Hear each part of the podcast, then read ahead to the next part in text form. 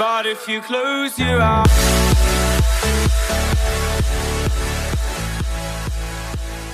אוקיי חברים, אנחנו עומדים להתחיל את הפרק השביעי שלנו כאן בעונה השלישית בסביבה מנצחת. אני רוצה להגיד לכם תודה רבה על זה שאתם כאן, והיום אנחנו הולכים לדבר על...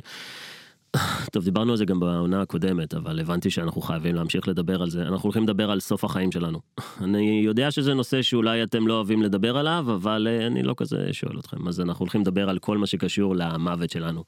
חברים, לכל מי שלא מכיר אותי, שמי מתן ניסטור ואני הולך להיות המרצה שלכם להיום. היום אנחנו הולכים לדבר על אחד הנושאים שהם בעיניי החשובים ביותר, שאנחנו צריכים להתייחס אליהם מדי יום. וזה המוות, זה סוף החיים שלנו. אחד הדברים שאני מוצא לגבי האנשים זה שהם לא לוקחים את זה בחשבון, הם לא חושבים על זה מספיק. והמטרה של הפרק הזה זה לא להיות מדכא, להפך. המטרה של הפרק הזה זה להרים אותנו ולהבין שיש לנו זמן מוגבל. בפרק הקודם דיברנו על כל מה שקשור לדדליין או על חוק פרקינסון. ודיברנו על זה שאנחנו עובדים טוב יותר כאשר יש לנו דדליין. אבל הבעיה של כולנו זה שאנחנו לא יודעים מה הדדליין של החיים שלנו, אנחנו לא יודעים עד איזה גיל נחיה. ולאלו מכם שכן יודעים, אנחנו משתתפים בצערכם. אני חושב שהדבר הטוב ביותר לגבי האנושות, או אנחנו כבני אדם, ואני חושב שהסיבה היחידה שהתקדמנו זה בגלל שאנחנו יודעים שאנחנו לא כאן לנצח. אנחנו לא יודעים מתי זה יגיע. אנחנו יודעים שזה יגיע, ומוות זה מסוג הדברים שכולנו לא רוצים שיקרה, אבל זה בטוח עומד לקרות. זה עד כדי כך אירוני. והבעיה עם זה שאנחנו לא יודעים עד איזה גיל נחיה, זה שאנחנו לא יודעים איך לתכנן את הזמן שלנו. בשונה מהדוגמה שנתתי בפרק הקודם, שבה יש לנו עבודה שאנחנו צריכים להגיש, אנחנו יכולים ממש לתכנן את הפעולות שלנו בהתאם לדדליין. אבל הבעיה עם החיים שלנו זה שאנחנו לא יודעים איפה הדדליין הזה. אם הייתם יודעים שאתם הולכים למות בגיל 50, האם הייתם מנהלים את החיים שלכם בצורה אחרת?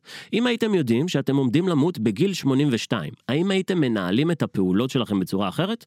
אם הייתם יודעים שבעוד שנה אתם עומדים למות, האם הייתם עושים דברים אחרים? אני מניח שכן.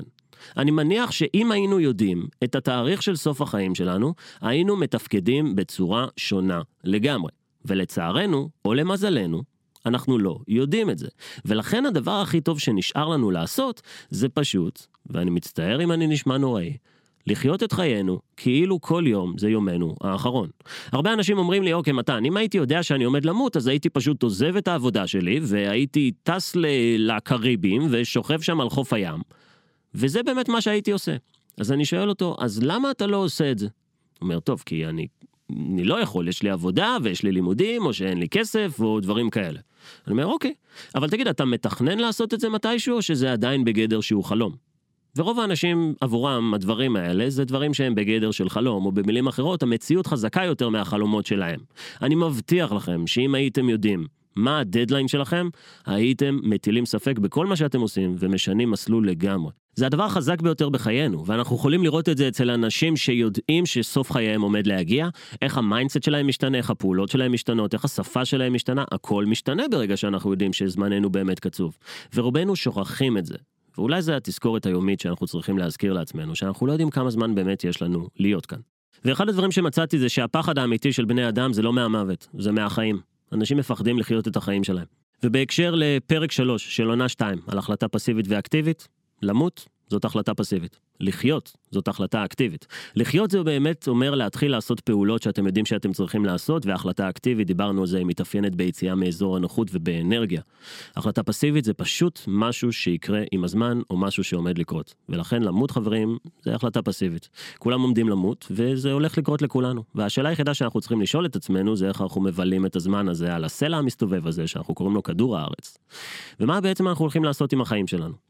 יש ספר שנקרא האדם מחפש משמעות, ובספר הזה ויקטור פרנקל ששרד את השואה מדבר על הדבר הבא. הוא אומר שהיו כמה סיבות שהוא מצא ללמה אנשים רוצים לחיות את חייהם, במקרה הזה למרות זוועות השואה. סיבה שאני מדבר על זה בהקשר למוות זה כי בנקודה הזאת האנשים היו הכי קרובים ללשים סוף לחיים שלהם, והם בחרו שלא לעשות את זה. וויקטור פרנקל בדק מהם הסיבות. הוא מצא את הסיבות הבאות. הסיבה הראשונה, היו להם אנשים שהם אוהבים או שהם רצו לדאוג להם. זה יכול להיות ילדים או משפחה. הסיבה השנייה, היה להם פוטנציאל לא ממומש, שהם ידעו שהם רוצים להגשים כשהם יצאו מהמחנה השמדה. והדבר השלישי, היה להם זיכרונות שהם רצו להעביר הלאה, היה להם מורשת, הם רצו להעביר דברים הלאה לדורות הבאים, ושלושת הדברים האלה, בין אם זה ילדים, בין אם זה פוטנציאל, או בין אם זה זיכרונות, אלו הדברים שהחזיקו אנשים כנגד תופת השואה.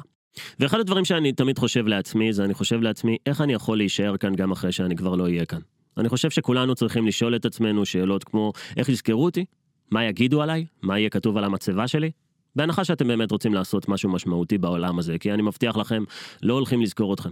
יש אחוז מאוד קטן באוכלוסייה, אפשר לספור אותם לדעתי על פחות ממאה אנשים, שבאמת כולם מכירים, ואלו האנשים שבאמת שינו את העולם. רובם היו גברים, רובם היו אנשים ששלטו במדינות, ניהלו צבאות, המציאו דברים, או עשו כסף, או פשוט הזיזו את המחט של כדור הארץ שלב אחד קדימה. ואלו האנשים שאנחנו באמת זוכרים. וכשאנחנו שואלים את עצמנו, ובאמת אני אומר, עכשיו מה הסיכוי שנהפוך להיות האנשים האלה, וכשאנחנו מבינים שהסיכוי הוא לא כזה גדול, אני חושב שזה מוריד הרבה מאוד אחריות. וזה בסדר במקרה הזה, כי אנחנו בעצם אומרים, אוקיי, לא הולכים לזכור אותי, אני לא כזה חשוב. אנשים לא הולכים לדעת שהייתי כאן. אנשים לא הולכים לדעת מה עשיתי. ולכן, זה כל כך לא משנה מה אני אבחר לעשות עם החיים שלי, שהמחשבה הזאת היא אפילו משחררת. המחשבה הזאת אפילו מוציאה אנשים איפשהו לחופשי, כי הם באמת מקבלים את זה שזמנם קצוב, שלא הולכים לזכור אותם, ושזה ממש לא משנה מה אתם הולכים לעשות עם החיים שלכם. ובהינתן כל התנאים האלה, אנשים מבלים את החיים שלהם בתוך מסגרות שהם לא רוצים להיות בהם. כי ככה הסבירו להם שהעולם עובד, כי זה נכפה עליהם, כי הם נכנסו למשהו והם לא רוצים לצאת, או שהם מפחדים מלצאת, או שהם לא רוצים שיחשבו עליהם דברים רעים, ורק כשאנחנו באמת שמים על השולחן פרספקטיבה, על ידי הדבר החשוב ביותר בחיים שלנו, שנקרא סוף החיים שלנו, אז אנשים באמת מתעוררים. זה קורה הרבה פעמים כשמישהו שקרוב אליכם מת. זה באמת קורה שם. אנשים פתאום חוטפים סטירה מהיקום, והם אומרים, וואו, באמת זמננו קצוב כאן. באמת, פשוט יום אחד הכל יכול להיגמר. כן, פשוט יום אחד הכל יכול להיגמר, וזהו. ובין אם זה מרגיש כמו ללכת לישון ולא להתעורר, בין אם זה אומר שתיוולדו למשפחה חדשה במדינה אחרת, או שתחזרו לכדור הארץ כעץ, כחתול או כאריה, אנחנו לא יודעים מה קורה אחרי החיים שלנו. אנחנו לא יודעים מה קורה ברגע שאחרי. וזה גם הסיבה שאנחנו כל כך מפחדים מזה, הלא נודע. אנחנו לא יודעים מה קורה לאחר מכן.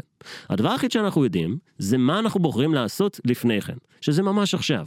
ברגע זה, שאתם שמים את האוזניים שלכם בדיוק במקום שבו אתם צריכים להיות, ומקבלים את התוכן שאתם בדיוק צריכים לשמוע, אתם צריכים לשאול את עצמכם את השאלה, מה הייתי עושה אם הייתי יודע שבעוד שנה הייתי מת. תשאלו את עצמכם את השאלה הזאת, ואם אתם מוצאים שאתם לא עושים בדיוק את מה שהייתם רוצים לעשות, אם בעוד שנה הייתם מתים, חברים, אתם צריכים לדבר עם עצמכם. משהו פה לא בסדר, כי אתם יודעים מה? יש מצב שזה באמת יקרה. אני מוצא שאנשים מפחדים מדברים עם הסתברות שהיא מאוד נמוכה שתקרה להם, שההסתברות שידרסו אתכם או שתעברו תאונת דרכים היא מאוד גבוהה. ואנשים לא חושבים על זה. אנשים מרגישים מאוד בנוח לפחד מדברים כל כך דבילים וחסרי חשיבות על החיים שלהם, כשיש באמת דברים שיכולים ליטרלי להרוג אתכם ולהביא לסוף חייכם, ואתם לא חושבים עליהם. עכשיו, אנחנו לא חושבים על זה, וזה הגיוני, כי אנחנו לא רוצים לחשוב על היום שבו נמות, זה נושא שהוא די מבאס, וזה יכול להכניס אנשים לדיכאון, אבל יחד עם זאת, כמו שאמרתי, זה מסוג הדברים שתמיד הולכים להגיע. יש משפט שאומר שכל האנשים, כל חייהם חולמים על שני דברים, הם חולמים על בית והם חולמים על מין. ובסוף כולם מגיעים למקום שנקרא בית עלמין. זה משהו שהוא די מצחיק לגבי הדברים שאנחנו רוצים במהלך החיים שלנו ולמה שעומד באמת לקרות. רוב הזמן לא היינו כאן. רוב הזמן היינו DNA, ככל הנראה, בתוך הגוף של אבותינו הקדומים. ובעתיד, אנחנו נהיה בתוך האדמה. וזה אומר שבתוך האבולוציה ובתוך שחר ההיסטוריה הזה יש לנו רק כמה שנים, ואם נלך על פי תוחלת החיים הממוצעת זה יהיה 70 או 80 שנה, וגם שתוחלת החיים שלנו הולכת ועולה, איך אתם באמת מבלים את הזמן הזה? זה לא כמה זמן אתם חיים, זה מה אתם עושים בתוך הזמן שאתם חיים. אני מוצא כל כך הרבה אנשים שהם נמצאים באמת על טייס אוטומטי כל החיים שלהם, ורק כשמישהו יקר וקרוב אליהם מת, הם חוטפים את הסתירה. והסתירה הזאת היא מעולה. ובכל פעם שאתם חוטפים סתירה מהיקום, חברים, זה אומר תתעוררו. תשאלו את עצמכם האם אתם באמת מרוצים ממה שאתם עושים.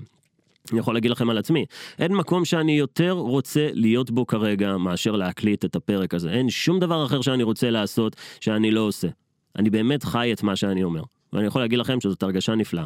אני יכול להגיד לכם שרוב האנשים לא חיים בצורה הזאת, כי רוב האנשים עסוקים ביותר מדי דברים כמו דימוי עצמי נמוך, או מה יחשבו עליהם, או חוסר ביטחון עצמי, או שהם פשוט לא יודעים איך להתחיל. אבל אם אתם רוצים להתחיל, האמת שזה שלב שהוא מתקדם יותר. קודם כל אתם צריכים לקבל על עצמכם את זה שאתם מבינים שסוף חייכם עומד להגיע. אתם צריכים ממש לדמיין שעון חול. לי יש את זה מול המיטה. אני סופר ממש את השבועות שנשארו לחיות. יש לי את זה על איזשהו לוח שאני כל פעם מוחק שבוע כשמתחיל שבוע חדש. וזה נמצא ממש ליד המיטה שלי. ואני ממש שם לב לזה כל יום. ואני יכול להגיד לכם, ואם אני תמיד מדבר על הנושא של מהירות, מהירות זה בעיניי ערך עליון. לעשות את הדברים כמה שיותר מהר. העיקר לעשות. יכול להיות שנעשה את זה בצורה שהיא פחות טובה, אבל לפחות נעשה. בסוף היום, בגלל שאנחנו באמת לא יודעים כמה זמן יש לנו להיות כאן, הדבר המשמעותי היחיד זה באמת שני דברים. אחד, האם יזכרו אותנו. אבל אני יודע שהרבה אנשים לא מבלים את חייהם במחשבה של האם יזכרו אותם. ולכן אני אפנה לדבר השני. הדבר השני זה האם אני נהנה ממה שאני עושה. זה כל כך דבילי שזה פשוט מסתכם בהאם אני נהנה ממה שאני עושה, אבל זה באמת רק זה. בהנחה שיש לנו זמן קצוב, וזה לא בהנחה, האם אתם עושים את מה שאתם אוהבים? כשאנשים מצליחנים אומרים לכם, תעשו את מה שאתם אוהבים, הם באמת מזקקים לכם את השורה התחתונה ביותר. תעשו את מה שאתם אוהבים. אתם יודעים מה? אל תשאלו אנשים מצליחנים. תשאלו אנשים מבוגרים, רגע לפני סוף חייהם, הם יודעים שסוף חייהם מתקרב. תשאלו אותם, איזה טיפ יש לכם לחיים? הם ייתנו לכם את אותם הדברים. תחייכו, תהיו עם אנשים שאתם אוהבים, תעשו את מה שאתם אוהבים. יכול להיות שהם יגידו לכם תיקחו יותר סיכונים, תאמינו יותר בעצמכם. יכול להיות שתקבלו את הטיפים הכי טובים מהאנשים שמסתכלים על החיים שלהם, ש-99% מהם כבר חלפו.